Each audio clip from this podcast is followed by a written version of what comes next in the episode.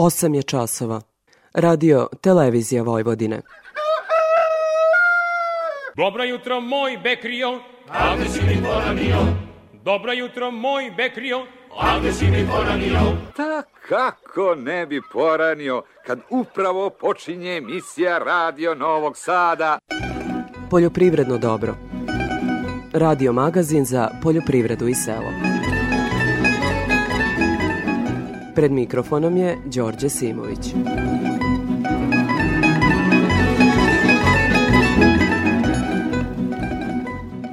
Poštovni slušalci, dobro jutro. U današnjoj emisiji dominirat će sadržaj o uzrocima koji su doveli do nestašice mleka na rafovima trgovinskih lanaca. A o čemu bi drugo nego o toj najurgentnijoj temi? Istini za volju, kroz naš program odavno upozoravamo da bi do ovoga moglo da dođe. Godinama se nedostatak premošćivao uvozom, ali očigledno je da je zbog suše, nedostatka stočne hrane i preskupih energenata i u inostranstvu proizvodnja redukovana. U uvodu evo samo nekoliko odlomaka iz današnje teme. Od mlečnog govedarstva prvo su odustali mali proizvođači poput porodice Ilije Ždrnje iz Novog Žednika koja se tim poslom bavila pola veka. Bavili smo se sve do nekih pre 5 godina kad je krenula ova kriza sa cenom mleka. Onda smo ukinuli, gajili smo između 10 i 15 e, mlečnih krava. Zoran Kotarac, iako knjiži gubitke, još se bavi mlečnim govedarstvom i konstatuje kako je većina meštana Novog Slankamena odustala od tog posla. Od 1000 kuća, 900 kuća imalo krave. Znači sada u Slankamenu krave drži 15-20 kuća. Predsjednica Saveza udruženja odgajivača goveda Srbije Sanja Bugarski, koja se i sama bavi mlečnim govedarstvom na savremenoj farmi u Kuli, na osnovu kalkulacija govori o tome koja bi otkupna cena mleka pokrila troškove njene proizvodnje. Meni ukoliko ne bude plaćeno mleko 72 dinara u otkupu i narednih 5 godina da ni jedan parametar, jel da, da se ne desi poskupljenje goriva, struje i da ne nabrajam šta sve ne, ja narednih 5 godina ne mogu da izađem iz bankrota. E, ja verujem da nije puno drugačije na drugim farmama. Dok farmeri proizvedu ili kupe skupu kabastu i koncentrovanu hranu, plate vitamine, veterinara, dažbine matičnoj službi, preskupu naftu, a bude im skromno plaćeno za predato mleko uz nedovoljne premije koje po pravilu kasne, onda je epilog u vidu smanjene proizvodnje i nestašice mleka na rafovima trgovinskih lanaca očekivan – ali kao što rekoh, opširnije ćemo o problemu smanjene proizvodnje mleka govoriti u temi emisije.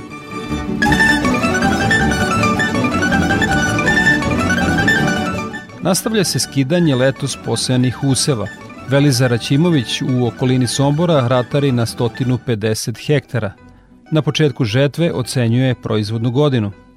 Što se tiče soje koje je sio ranije sorte, ta je, te sorte ranije sorte više podbacile a kasnije sorte još imaju šanse da daju neki Ovaj, nije to viš, ni, ni to nije solidan prinos, ali će biti opet veći nego kod ranijih sorti. Kod suncukreta je ovaj, ove godine veliku stvar igrao izbor sorte. Imamo ove genetske što se samo oprašuju, njih pčelari ne vole, ali ti su se bolje oprašili, tu je za par nijansi bolji prinos. Mada i čak i kod ovih sorti imamo efekt da je samo zrno mnogo manje nego zapremi na košuljice ljuske. Dok ovi, kod ovih sorti što ih pčele oprašuju, tu ima jako puno i praznih zrna, tako da je podbacio ovaj, totalno. E sad, kod kukuruza je jako i igralo ulogu izbor sorte. Vaše sugestije su svakako dobrodošle, pa vas pozivam da nam pišete na e-mail adresu dobro.rtv.rs ili da nam svoje komentare ostavite na društvenoj mreži Facebook u grupi Poljopredno dobro. Toliko u uvodu slušamo tradicional Jedno jutro čim je zora svanula. Jedno jutro čim je zora svanula, svanula, našim šorom zasvirala tambura, tambura, tu se prati moj deram ide kući na kresan tu se prati moj deram ide kući na kresan Znaš majko šta bi bilo najbolje, najbolje. Da izneseš ti moj krevet napolje, napolje. Pa kad dođe ojdera Neka legne na kresan Pa kad dođe ojdera Neka legne na kresan meni majka govori, govori Što su sine polupani prozori, prozori Polupoji tvoj dera kad je došao na kresan Polupoji tvoj dera kad je došao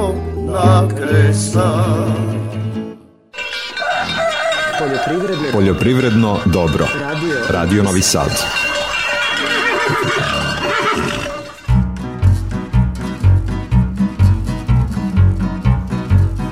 U nastavku poljoprivrednog dobra sledi detaljnija agroprognoza Ljiljane Đingalašević iz Hidrometeorološkog zavoda Srbije. Proteklu sedmicu obeležilo je toplije vreme od uobičajenog i u većini mesta suvo. Temperature vazduha su bile iznad višegodišnjeg proseka, maksimalne dnevne u intervalu od 25 do 32 stepena, a minimalne jutarnje od 10 do 20 stepeni.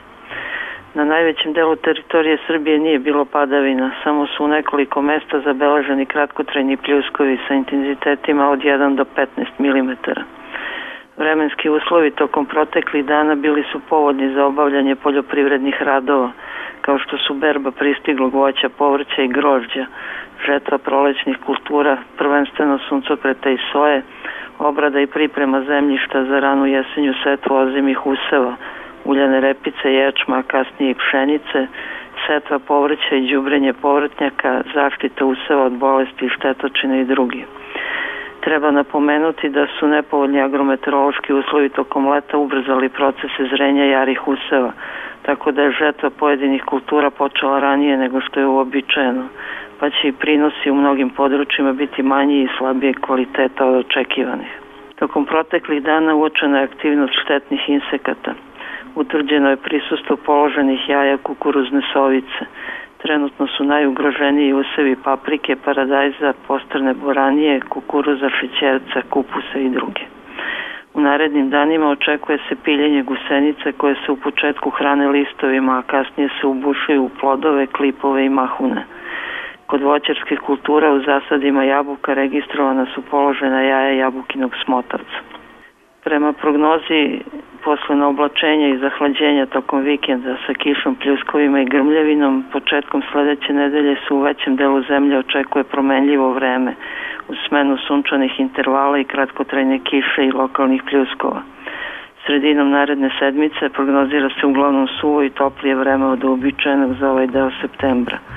Od petka i za dane vikenda se očekuje oblačno vreme sa kišom, pljuskovima i grmljavinom uz pad temperature. Za Radio Novi Sad iz Republičkog hidrometeorološkog zavoda Ljiljana Đingalašević. U aktualnoj zaštiti bilja, postrnih kuseva, kupusa i uljene repice obavestit će nas Boško Jezerkić iz prognozno izveštene službe. Trenutno je aktualna zaštita postanost kukuruza šećerca od kukuruznog plamenca i kukuruzne ili pamukove sovice. U zavisnosti od lokaliteta, procenat biljaka sa položenim jajima tih štetočina kreće se do čak 90%. Od kukuruzne sovice, koja je veoma polifagna i može da se hrani na velikom broju biljnih vrsta, pored kukuruza šećerca trenutno su najugraženiji usevi postrane buranije, paprike i paradajsa.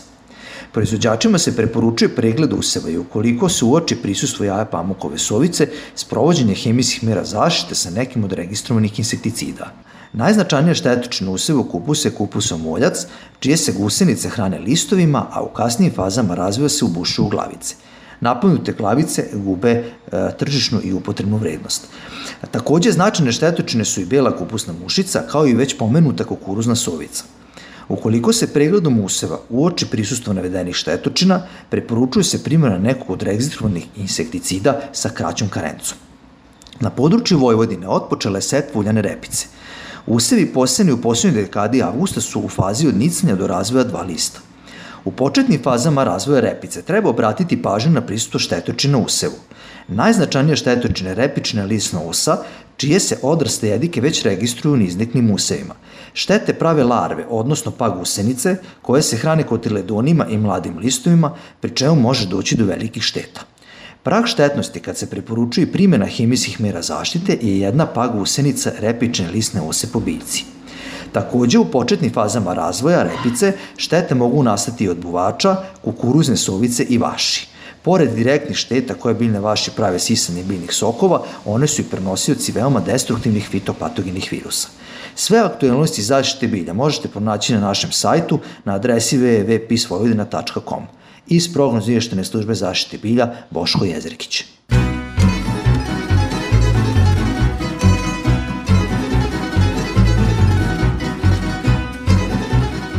O prometu žitarica na produktnoj berzi više Anje Jakšić. Na robno-berzanskom tržištu i dalje je prisutna manja aktivnost učesnika. U odnosu na prethodnu nedelju zabeležen je veći količinski i financijski promet. Zaključen je prvi ugovor za soju novog roda. Tržište kukuruza beleži veću aktivnost u odnosu na prethodnu nedelju. Kukuruzom rod 2021. godine trgovalo se u cenovnom rasponu od 33 dinara 80 para do 34 dinara 30 para po kilogramu bez PDV-a. Ponder cena za ovu nedelju iznosi 34 dinara 24 para po kilogramu, što je rast od 0,62 odsto. Tražnja kukuruza starog roda bila je mala u iščekivanju ponuda novog roda. Kukuruz novog roda izostaje u trgovanju usled cenovnog spreda između kupaca i prodavaca, ali i slabije ponude. Za razliku od prethodne nedelje kada je pšenica beležila primat u trgovanju, ove nedelje beleži se trgovina od samo 25 tona. Ponude na višim cenovnim nivoima, a sa druge strane tražnja na nižim cenama, nisu rezultirale trgovanjem većih količina.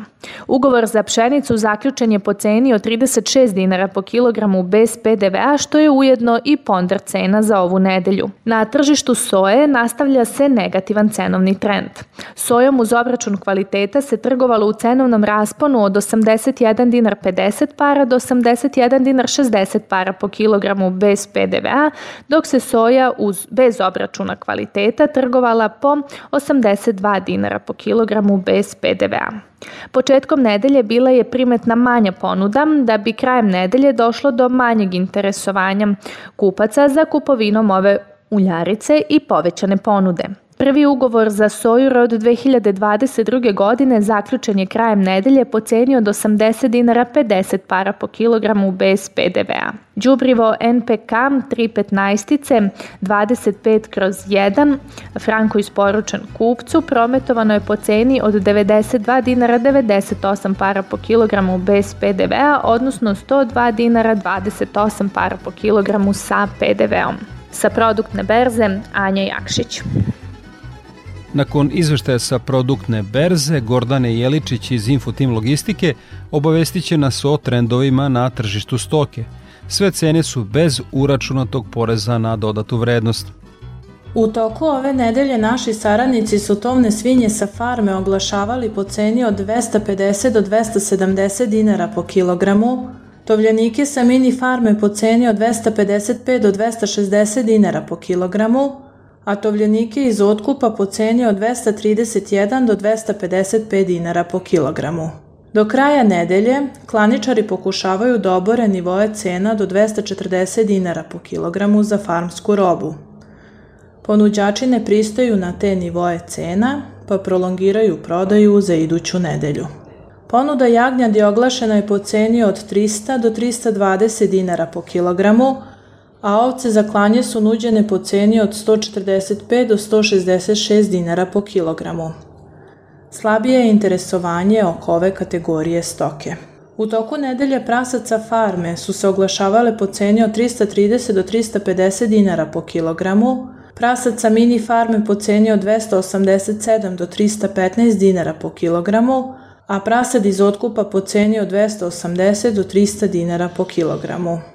U toku nedelje imali smo pregovor za prasad za dalji tov mini farma na cenu od 287 dinara po kilogramu. Ponude bikova Holstein oglašene po ceni od 300 do 330 dinara po kilogramu, a bikova simentalaca po ceni od 340 do 345 dinara po kilogramu. Po rečima naših saradnika, interesovanje za bikovima postoji kako na domaćem tržištu, tako i na tržištu iz okruženja. Cene su izražene bez PDV-a. Za Radio Novi Sad, Gordana Jeličić iz Infotim Logistike. Ovako da se saberem, u spavaćoj sobi u 5 sati budi me Radio Novi Sad s lepom vojvođanskom muzikom, onda u kuhinji slušam obično kad e, ručamo ili nekom drugom prilikom. U radionici ako nešto radim, tu je Radio Novi Sad, a u štali tamo to je obavezno. Tamo najviše slušam Radio Novi Sad. Poljoprivredno dobro. Radio Novi Sad. Ja stanicu ne menjam.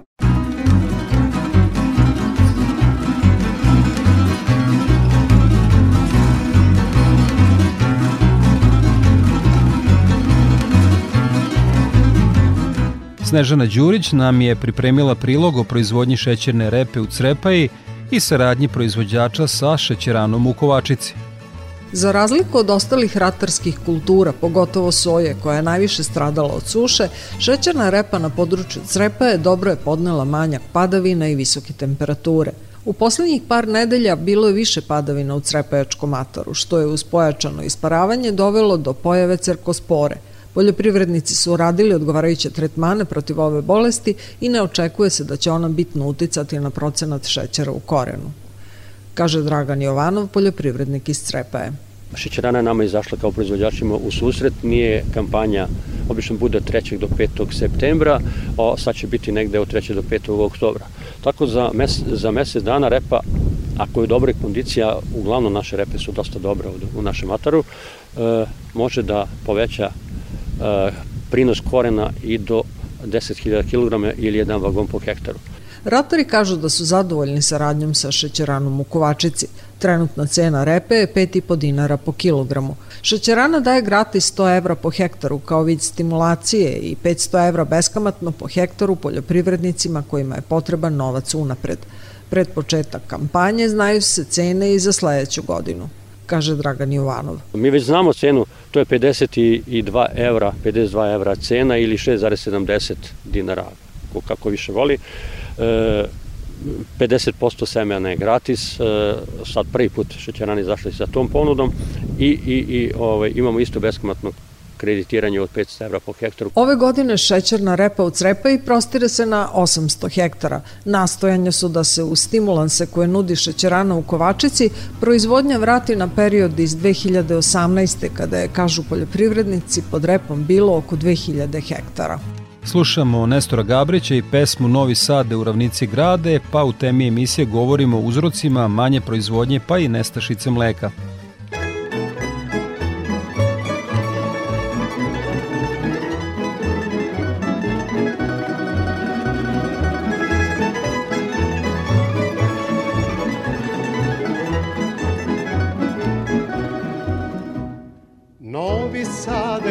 Ravnici grade, tebe krase vojvođanke mlade. Novi Sade u ravnici grade, tebe krase vojvođanke mlade. Tebe krase vinogradi plavi i tvrđava na Dunavu bali. Tebe krase vinogradi plavi i tvrđava na Dunavu pali.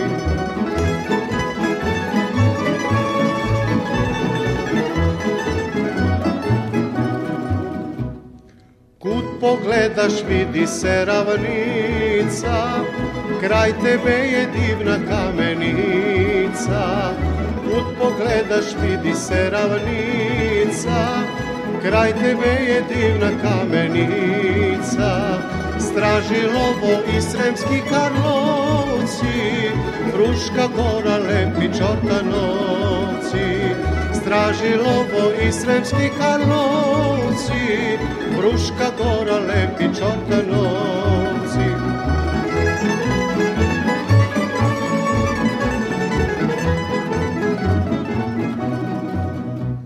Novi Sade lepli si u noći, nisam ne znam kud bih hteo poći.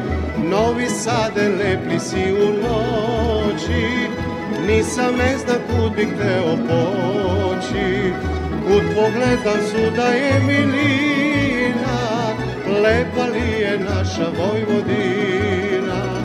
Kud pogledam suda je milina, lepa li je naša Vojvodina. Tema emisije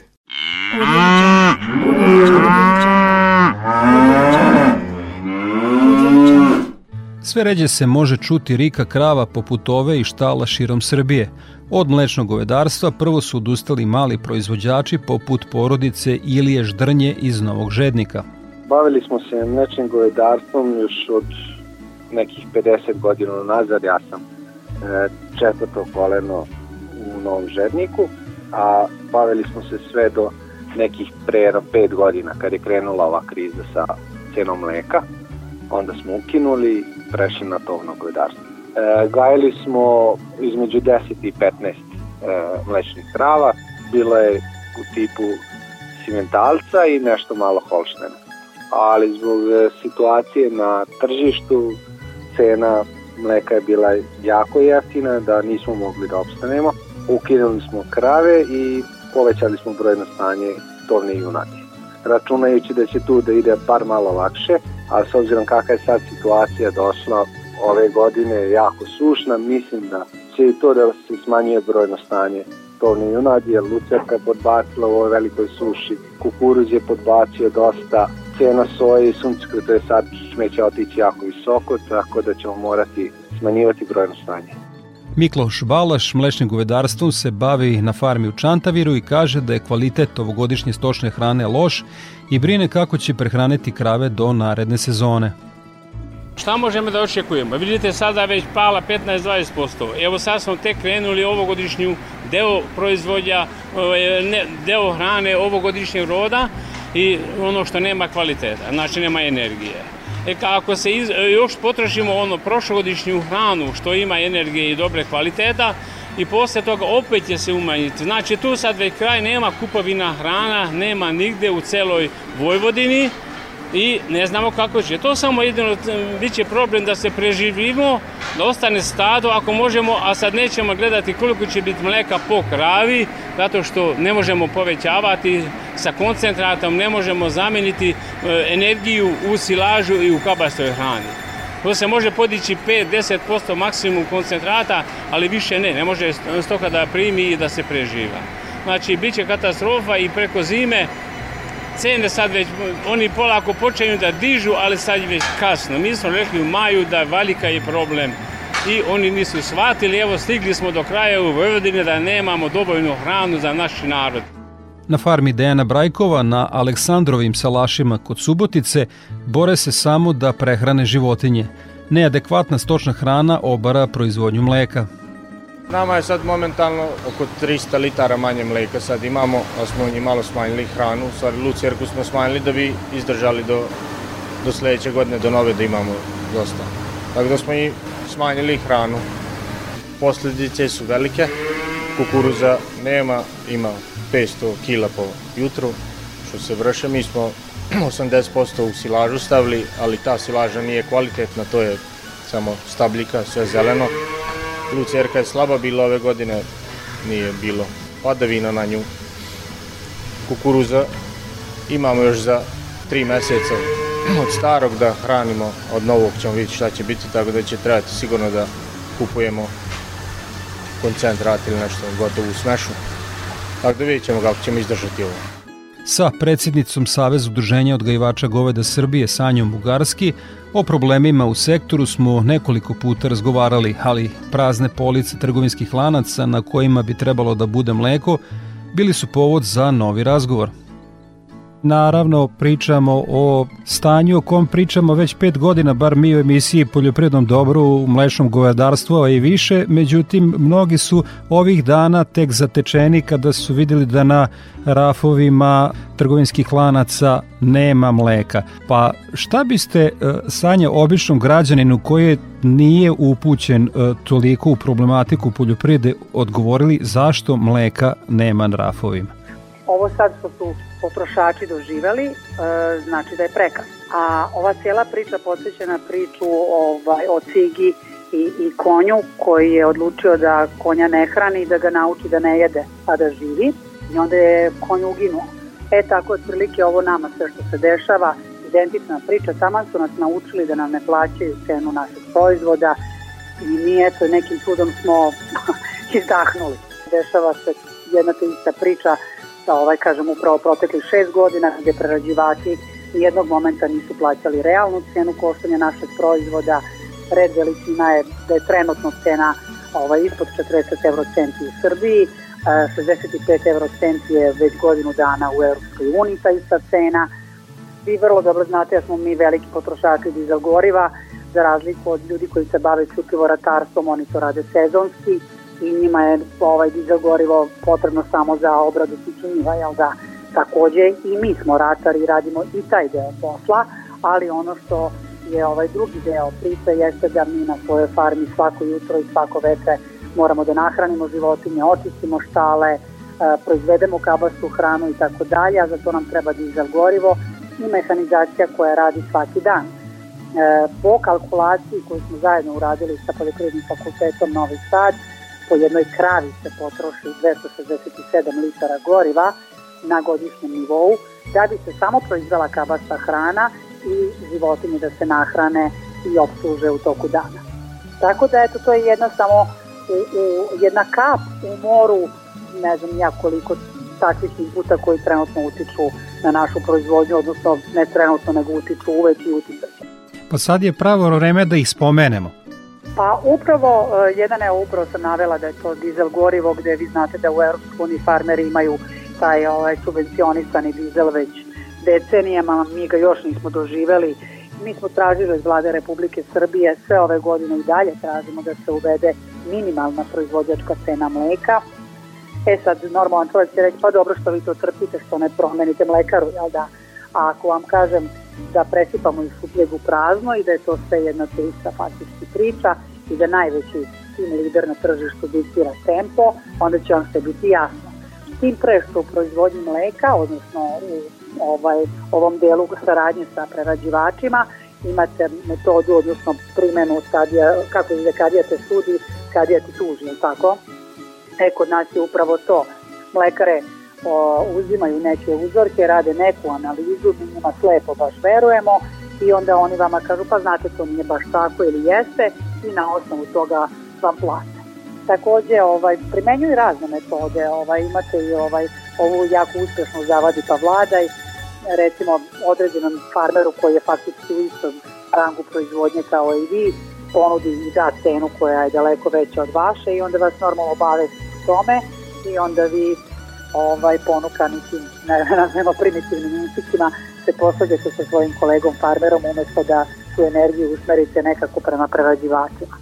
Da li imate neke bar približne e, podatke e, koliko zbog sveukupne e, situacije imamo pad proizvodnje mleka godišnje u Srbiji?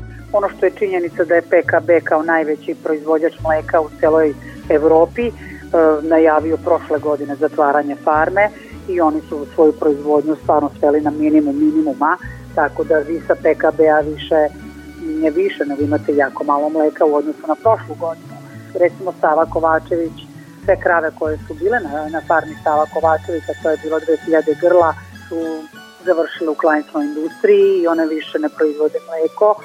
E, ja oko sebe u svojoj opštini, verujte mi da možda postoji još dva ili tri čoveka koja se bave proizvodnjom mleka, ali to su proizvođači koji imaju maksimalno 10 krava, a nalazim se u centru Bačke, jel da? I u srcu Bačke gde bi trebali uslovi za ovu proizvodnju biti, se kaže, idealni. I jednostavno e, ovaj, da kažem, Sizifov posao više niko ne želi da radi. Jednostavno više i ne može da ga radi jer jedna kalkulacija nije na našoj strani i ljudi su doživali bankrot poznavaoci stvari kažu da kada domaćin uh, izmesti krave sa svoje farme gotovo teško ili nikako ih ne vraća, lako je biti general posle bitke, ali koja bi bila taj minimum, rekli ste uh, minimalni uslovi da bi neko prosečan proizvođač se bavio proizvodnjom mleka u Srbiji, koji su sad, a koji bi trebalo da budu minimalni, počevo od cene mleka preko goriva i ostalih ulaganja? Kao što sam rekao, ukoliko se ne uvede ta minimalna proizvođačka cena juče, e, bukvalno juče, mi nemamo šta više da razgovaramo. A, a, takođe, po kalkulacijama koje ja radim na mojoj farmi, meni ukoliko ne bude plaćeno mleko 72 dinara u otkupu narednih 5 godina da ni jedan parametar, jel da, da se ne desi poskupljenje goriva, struje i da ne nabrajam šta sve ne, ovaj, ja narednih 5 godina ne mogu da izađem iz bankrota. E, ja verujem da nije puno e, drugačije na drugim farmama i da je to otprilike ista ta priča. Znači minimalna proizvođačka cena, subvencionisano dizel gorivo pod e, tim pre što ja iskreno rečeno nemam rešenje za hranu, jer mi, zahvaljujući ovoj katastrofalnoj godini, mi ćemo imati hrane možda do januara meseca, najkasnije februara. Tako da koncentrovani deo hrane, ja ne znam ko će od nas moći sebi da priušti da ga plati, ali mi nećemo to moći. E, kompletna revizija, način subvencionisanja je totalno pogrešan, ali totalno pogrešan i to vi svi vrlo dobro znate, gde je novac od poreskih obveznika vi dajete farmerima, to se tako zove i tako se mi pričamo da se to daje farmerima, međutim nju premija, premija po litri mleka prerađivači direktno izračunaju i kalkulišu ovaj, u svoju osnovnu cenu, tako da država, odnosno Republika Srbija, faktički plaća prerađivačima osnovnu cenu mleka. I sve je to pod izgovorom da se pomaže farmerima. Nije tačno, farmerima se na taj način ne pomaže. Postoje drugi mehanizmi kako se to može uraditi i, i drugi jači način subvencionisanja, ali ovaj ne pomaže farmerima takođe ta premija treba da bude razvojna, a ne da učestvuje u osnovnoj ceni ovaj proizvoda. E, tako da način subvencionisanja mora da se promeni. E, imamo tu gomilu zakona koja moraju da se usklade sa našim e, životima i sa proizvodnjom koju mi imamo. To je od veterine, zakona o stočarstvu i tako dalje. Opet se vraća na nacionalno udruženje koje mora biti oformljeno juče gde svi farmeri moraju dati svoj doprinos a, ako misle da prežive i e, kažem ovi, ovi odnosi sa prerađivačima ukoliko se ne utvrdi ta minimalna proizvođačka cena i cena ne bude bar približna ceni u Europskoj uniji ma, nema teoretske šanse da prežive. Koliko vas je od jutros samo zvalo novinara da razgovaraju na ovu temu? Pa od jutra sam dala četiri intervjua i zakazala još dva. Pa za sada sve ove godine jedini ko, ko nam je stvarno pomagao ste bili vi. Uvek su novinari imali sluha, razumevanja i želju da pišu i pričaju o ovoj temi. I htjela sam još jednu stvar da vam kažem, za sve ove godine koliko je država investirala u, u naše farme i koliko nam je pomagala da se izgradimo i tako dalje, e, e, zapravo desilo se da oni koji su vukli, koji su bili lokomotiva, zbog IPARDA više to ne mogu, ne mogu da ostvare određene subvencije, IPARD je nama stvarno nedostizan i jako komplikovan i bez obzira što smo angažovali agencije, ljude koji rade te projekte i tako dalje, projektnu dokumentaciju, za sada ja evo ne znam jednog farmera od mojih članova da je ostvario bilo kakva ovaj, bespovratna sredstva iz IPARD fondova. E, I tako da ti ljudi koji su vukli napred, oni su sad bukvalno u, u katastrofalnom položaju smetnuti skroz sa strane, ne mogu da ostvare pravo ovaj, kroz IPART fondove, u našim ovaj, u republičkim ili u pokrajinskim jel da, ovaj, subvencijama jel da, njih nigde nema jer se subvencionišu farmeri do 20 krava i ovaj, tako, da je, tako da je i to ovaj, jedan od, od segmenata gde je stvarno ba, baš velik problem. E, mi, e, mimo sad, opet sam skrenula malo sa teme, vezano za, za IPAR fondove. Imamo takođe velik problem sa legalizacijom objekata, jer vi svi vrlo dobro znate proteklih decenija kako su se pravili objekti posebno na selu, gde nama ti objekti i dalje nisu legalizovani, A jedan od prvih uslova da bi bilo šta konkurisali u IPART fondovima jeste upravo to da su ti objekti legalizovani. Tako da mi u startu osnovni uslov ne ispunjavamo, a gde je dalje, jel da, ovaj, ostala ova, da kažem, papirologija takvi koji oni imaju. Tako da, eto, lokomotiva se umorila ili, ili ti, što bi rekla, malo pre kao što sam mi rekla za stigu, sama su nas naučili da ne jedemo i mi, eto, uginuli, ne možemo više. Kao i uvek iskreno za Radio Novi Sad, e, predsjednica Saveza e, Udruženja odgajivača goveda Sanja Bugarski. Hvala vam puno što ste odvojili vreme e, za naš program. Hvala vama što ste zainteresovani za naš problem. Često se može čuti da je po težini uz rudarski posao rame uz rame mlečno govedarstvo. Farmerima je teško da se organizuju za proslavu nove godine, svadbe, rođendana, a gotovo nemoguće da planiraju godišnji odmor. Angažovane su svih dana u godini. Takođe, najiskrenije o stanju u sektoru govori Zoran Kotarac iz Novog Slankamena. Moje viđenje ove cele situacije je da je to moralo da dođe, jer ovo traje ne jednu godinu, ne deset, ovo traje 20-30 godina. Ali jednostavno, evo sad je došao cara Dodovara, da mi ne možemo da uvezemo zato što i drugi nemaju i to je sad problem. Cene inputa koji utiču na cenu mleka su strahovito otišli gore, duplirano, troduplirano. Predajem mleko 30 godina. Prošli mesec cena mleka imao sam 20.000 litara, znači dobio sam 48 dinara plus PDV. Ovaj mesec podigli su nam 4 dinara, znači cena mleka je 52, evo baš danas sam dobio obračun 52 dinara plus PDV. To je cena koncentrata koji sam uzimao stano, koji je jedan od najkvalitetnijih u Srbiji, je bila 36 dinara i to je bila velika cena. Sada je cena koncentrata 61 dinar plus PDV.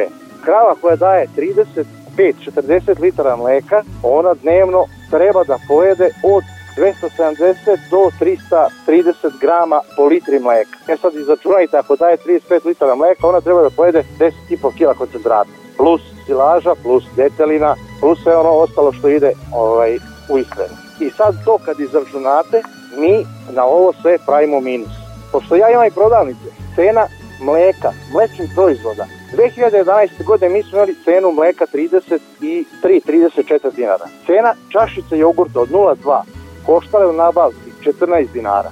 Sada, znači ja imam cenu mleka, rekao sam, prošli mesec 48, sad 52, cena čašice jogurta od 0,18 i mlekog, ja, pošto ja predajem i mleku, je 20 i 7-8 dinara. E sada vidite, cena jogurta čašice je poskupila 100%, a cena nama, proizvođačima, je otišla za 50%. I zato je došlo do toga da Srbija sa 500.000 krava pala je na, na 180 posle 3 popijena piva. A kad pričamo bez alkohola, onda je ta cena neki, ovaj, količina grla koja je u Srbiji 120.000. Mi više grla nemamo. To neće niko da radi. To niko ne ceni. Smatra se da najglupniji svet radi stočarstvo. Ova zemlja mora da se osvesti i onaj ko je na vlasti, onaj ko vodi ovu zemlju, ako ne zna to, ne zna problema u poljoprivredi, onda ne treba da se bori za vlast.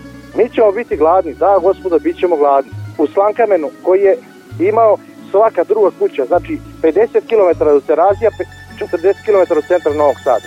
Od 1000 kuća, 900 kuća imalo krave. Ali time da ti danas ne možeš, ako nemaš 50 litara, mlekara neće prim pre 20 godina, pa onda ove manje mlekare, pa nema plaćanja, pa znate da je bilo koliko stočara su od jedne mlekare u Srbiji koji, koji nisu dobili pare, koliko je završilo na omči zato što su imali kredite i ljudi nisu mogli sramotu da izdrže, već se vešali. To je normalno prošlo, niti je to štampa, niti je to štampu interesovalo. I mi smo došli sada u tu poziciju, u tu situaciju koju jesmo. Znači sada u Slankamenu krave drži 15, 20 kuća. Od 20 kuća, zamislite od 1000 selo, znači 20 kuća drži krave. Ti 20 ima jedno pet većih, ovo su ljudi koji imaju možda 6, 7, 8 grla, jednostavno to ne može da, da, ovaj, da nije bilo uvoza, mleka u prahu, pa mi bi ranije došli u ovu situaciju. Ja i mleko predajem 40, 4, 2 do 4, 5 masnoća, proteini 3, 6. Koliko je mleko koje je u prodavnicu? 2,8. Znači skida se masnoća, dovodi se na 2,8 ili 1,5. Znači zarada je u mlekarama. Ja ne znam jednog radnika, ja kažem si mleko radnik koji je napustio i mleko. što će napustiti kad, je, kad mu je ekstra dobro. Držanje krava, muzara, to je tradicija, to je ljubav. Moja kuća to radi 100 godina. I znam još deseta kuća samo na teritoriji opštine Inđije koji su tako isto to radili kao mi i u toku prošle godine su sa 30-40 grla sve su to dali na prinudno klanje. Te kuće su 200 do 300 litara mleka dnevno iznosile mlekarama. Pa da je dobro, pa bi to neko, da bi to neko napustio da je to dobro? Ne, ne bi to uradio. A vi znate da ko je proizvođač mleka, da on nema ni Božića, ni Uskrsa, ni Svetog Jovana, ni nove godine, ti gdje se krava teli, ti moraš biti tamo. Znači ti to ništa nemaš. Pametni ljudi zna se, uđeš u stranku, tražiš za sebe ili za decu, za javno preduzeće, neka kombinacija, mora obavezno podrazumete i sada je predsjednik rekao da je ne znam 2 miliona naših ljudi ide. Koliko je stočara ove godine išlo na more? Molim vas. Jel mislite da mi ne znamo da potrošimo? Mi ne znamo da, da jednostavno nemoguće. Nemoguće da, da možeš da, da jednostavno sebi priuštiš to zato što taj rad je zahteo svaki dan. Bio je to Zoran Kotarac iz Novog Slankamena, a pre njega smo čuli Sanju Bugarski iz Kule ili u Ždrnju iz Novog Žednika, kao i Mikloša Balaša i Dejana Brajkova sa severa Vojvodine. Nakon njihove ocene situacije sve potpuno jasno. Valja reći da je najveća greška napravljena pre dve decenije sa privatizacijom mlekara u Srbiji. Naime, dobar primer privatizacije bio u Sloveniji. Farmeri koji su sirovinci i snabdevaju mlekare dobili su u privatizaciji akcije i na kraju poslovne godine dobijaju dividendu i tako stvaraju prihod po najmanje dva osnova. Kod nas je odlučeno da se privatizacijom ostvari najveća moguća prodajna cena. I zato su mlekare prodate investicionom fondu. A investicioni fondovi funkcionišu bez obzira na delatnost, bila to autoindustrija, rudarstvo ili proizvodnja kablova po istom principu. Recimo imate 10 vlasnika, tri Amerikanca, dva Indica, dva Kineza i po jednog Meksikanca, Španca i Brazilca. Svako od njih desetor je uložio po stotinu miliona evra u taj fond i ukupno imaju milijardu. Investiraju neku oblast i postave plaćenog direktora kome mesečno daju 30, 50 pa i više hiljada evra pod uslovom da bude nemilosrdan i izvuče maksimalan profit u kratkom periodu, pa čak i po cenu da potpuno uništi tu oblast. Nakon nekoliko godina profit počinje da pada, investicijni fond prodaje delatnost, ide u neku drugu, potpuno nebitno u koju, gde će opet izvući maksimalan profit. Nema emocija, nema samilosti. Zato su kod nas prvo prestali da otkupljuju mleko od malih proizvođača, pa i oni koji su na većoj udaljenosti. Kompleksna je ovo priča, ali mislim da ste razumeli poentu. Pošto od teleta do prvog litra mleka treba da prođe gotovo 3 godine, teško je da će mere poput podizanja maksimalne prodajne cene mleka na 129 dinara i zabrane izvoza dugoročno dovesti do značajnijeg napretka. Jer jednom kada neko krave pošalje na klanicu i zatvori farmu, vrlo teško se odlučuje da uđe u tu proizvodnju. A bez krava i proizvodnje mleka ubrzo ćemo doći u problem nedostatka junećeg mesa. Ali o tome nekom drugom prilikom. Toliko u temi emisije slušamo Ad libitum i miks pesama Kraj jezera i Čamac na Tisi.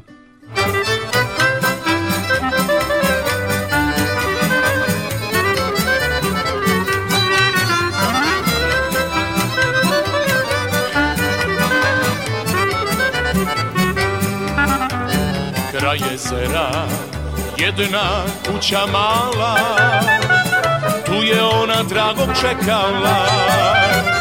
Obećao je da će doći I da će joj prsten doneti. Obećao je da će doći I da će joj prsten doneti. To davno beše, sećam se ja Kad u tvom oku prvi put plan zasja Kad si meni znala reći Dragi pričaj mi o sreći Ne daj da ti maj Kad si meni znala reći Dragi pričaj mi o sreći Ne daj da ti maj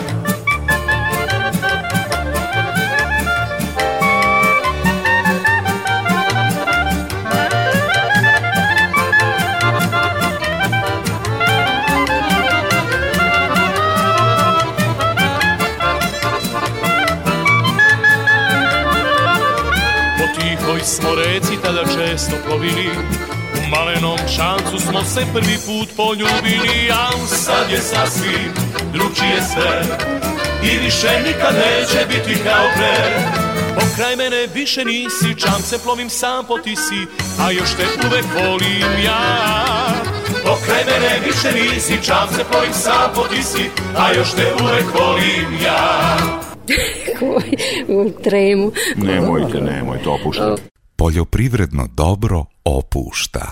Od 1. do 4. septembra na Beogradskom sajmu održan je prvi sajam vina Vinska vizija Otvorenog Balkana. Uz bogat izložbeni i stručni program, ocenjivanje vina, međunarodnog žirija, Možda i najvažniji segment manifestacije su potpisani konkretni ugovori o izvozu vina. Posao sa kineskim kupcima sklopila je vinarija Đurđić u Sremskim Karlovcima. Tim povodom gost u programu Radio Novog Sada je vlasnik vinarije Dražen Đurđić.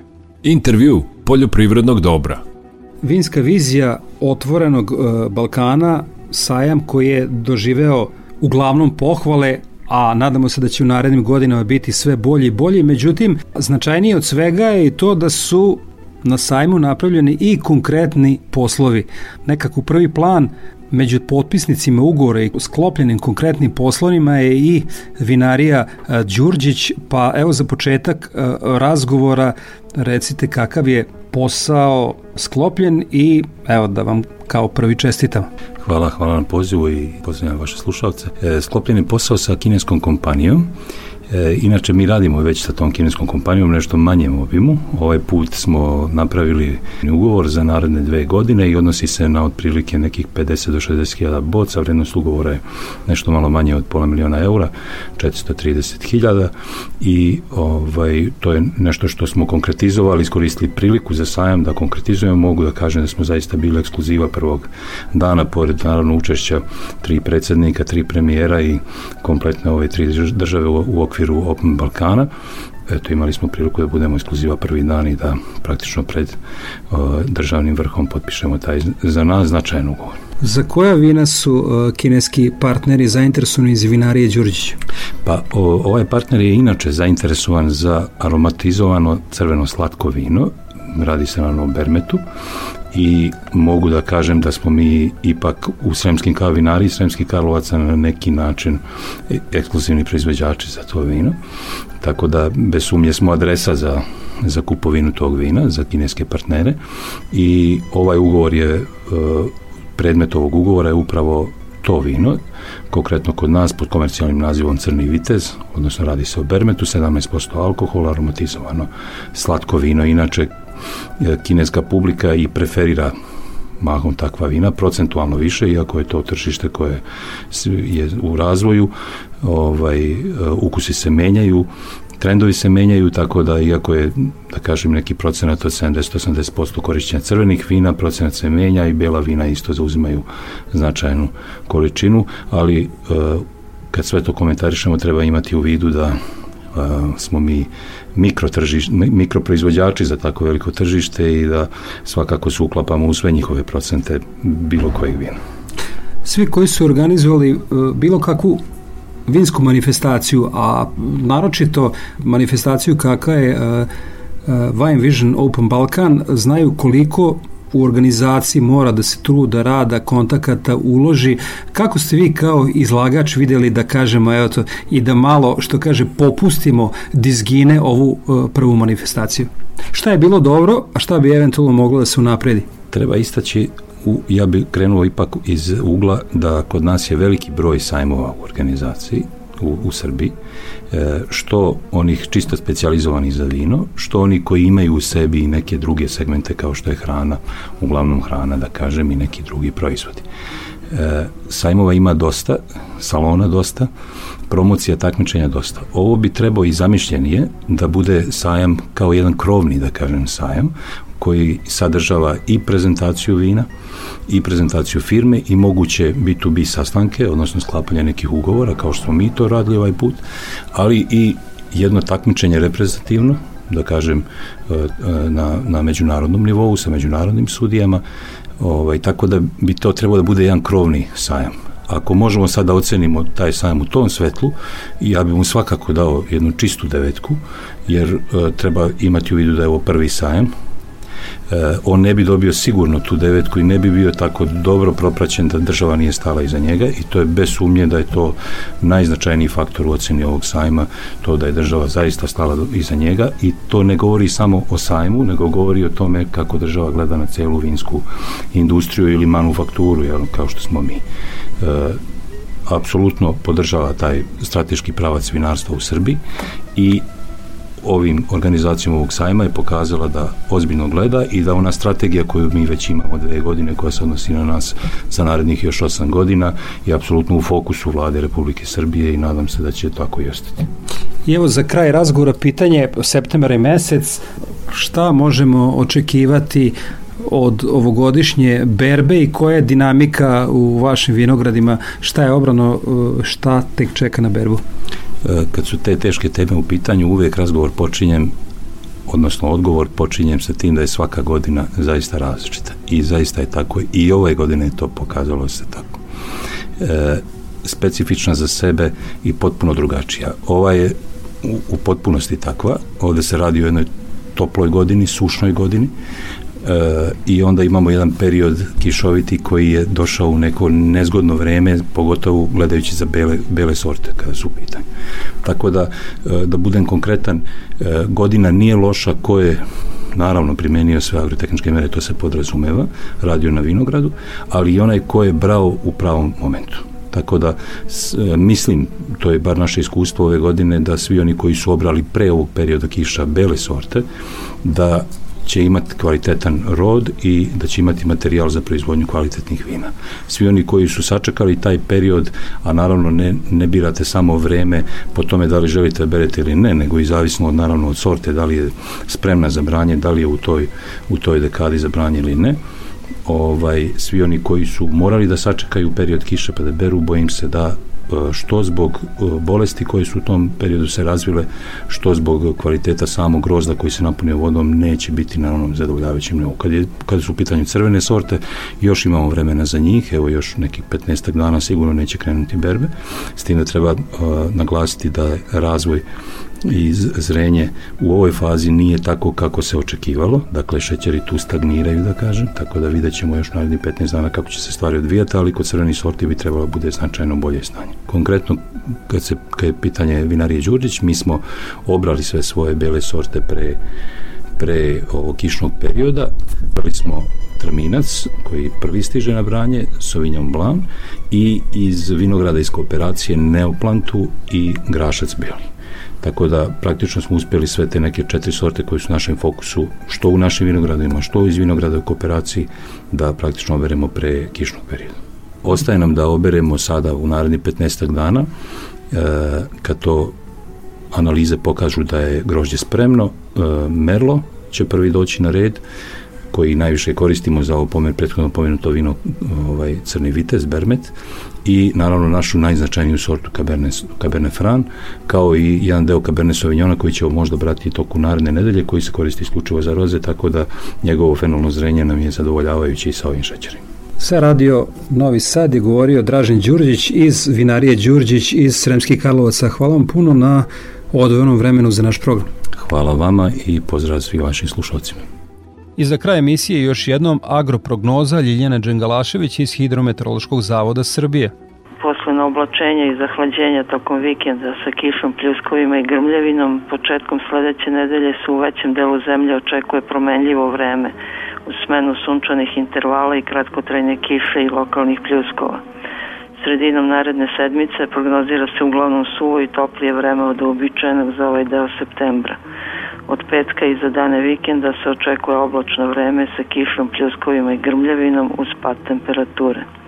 Toliko poštovni slušalci u ovom izdanju Poljoprivrednog dobra radio magazina za poljoprivredu i selo javne medijske ustanove Vojvodine.